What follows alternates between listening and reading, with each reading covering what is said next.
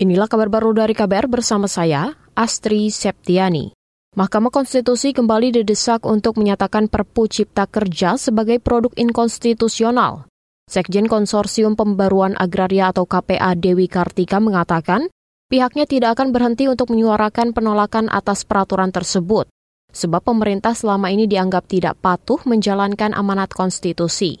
Selain itu, suara masyarakat juga diabaikan terkait pasal-pasal bermasalah di dalamnya tidak hanya dari sisi proses pembentukannya yang tidak demokratis, tidak transparan, tidak melibatkan partisipasi yang substansial dari seluruh sektor, termasuk dari kaum petani, kita juga melihat bahwa secara substansial ini sangat melanggar konstitusi kita. Sekjen Konsorsium Pembaruan Agraria atau KPA Dewi Kartika menambahkan, KPA akan terus mengawal pengujian Undang-Undang Cipta Kerja.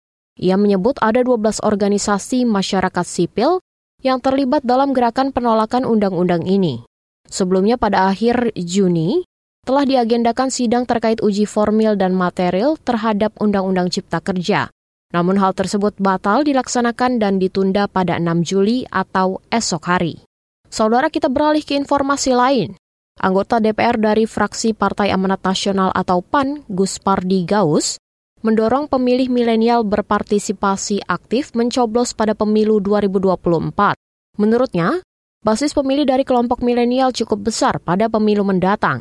Gus Pardi turut mengajak seluruh masyarakat menunaikan hak pilihnya demi memajukan bangsa jangan golput, malah kita harapkan milenial ini adalah orang-orang anak-anak yang terdepan untuk menghimbau semua elemen masyarakat yang mempunyai pilihnya untuk berperan serta, himbau, mengajak, melakukan sosialisasi, karena mereka mereka ini adalah pemilih cerdas, tahu tentang hak dan kewajiban, tahu masa depan. Nah, oleh itu jangan disia-siakan pemain yang sekali lima tahun ini, bagaimanapun tentu akan merubah pemimpin masa depan itu. Itu tadi anggota DPR dari fraksi PAN, Gus Pardi Gaus.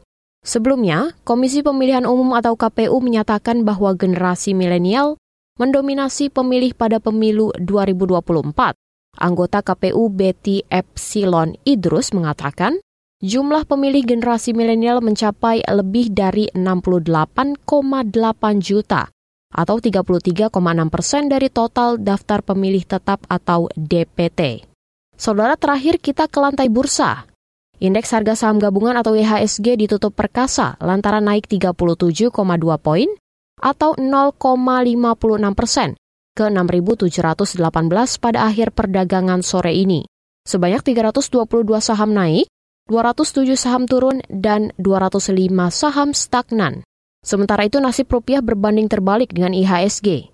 Di pasar spot, rupiah ditutup pada level 15.018 rupiah per dolar Amerika di akhir perdagangan atau melemah 0,15 persen dari hari sebelumnya yang ada di 14.995 rupiah per dolar Amerika.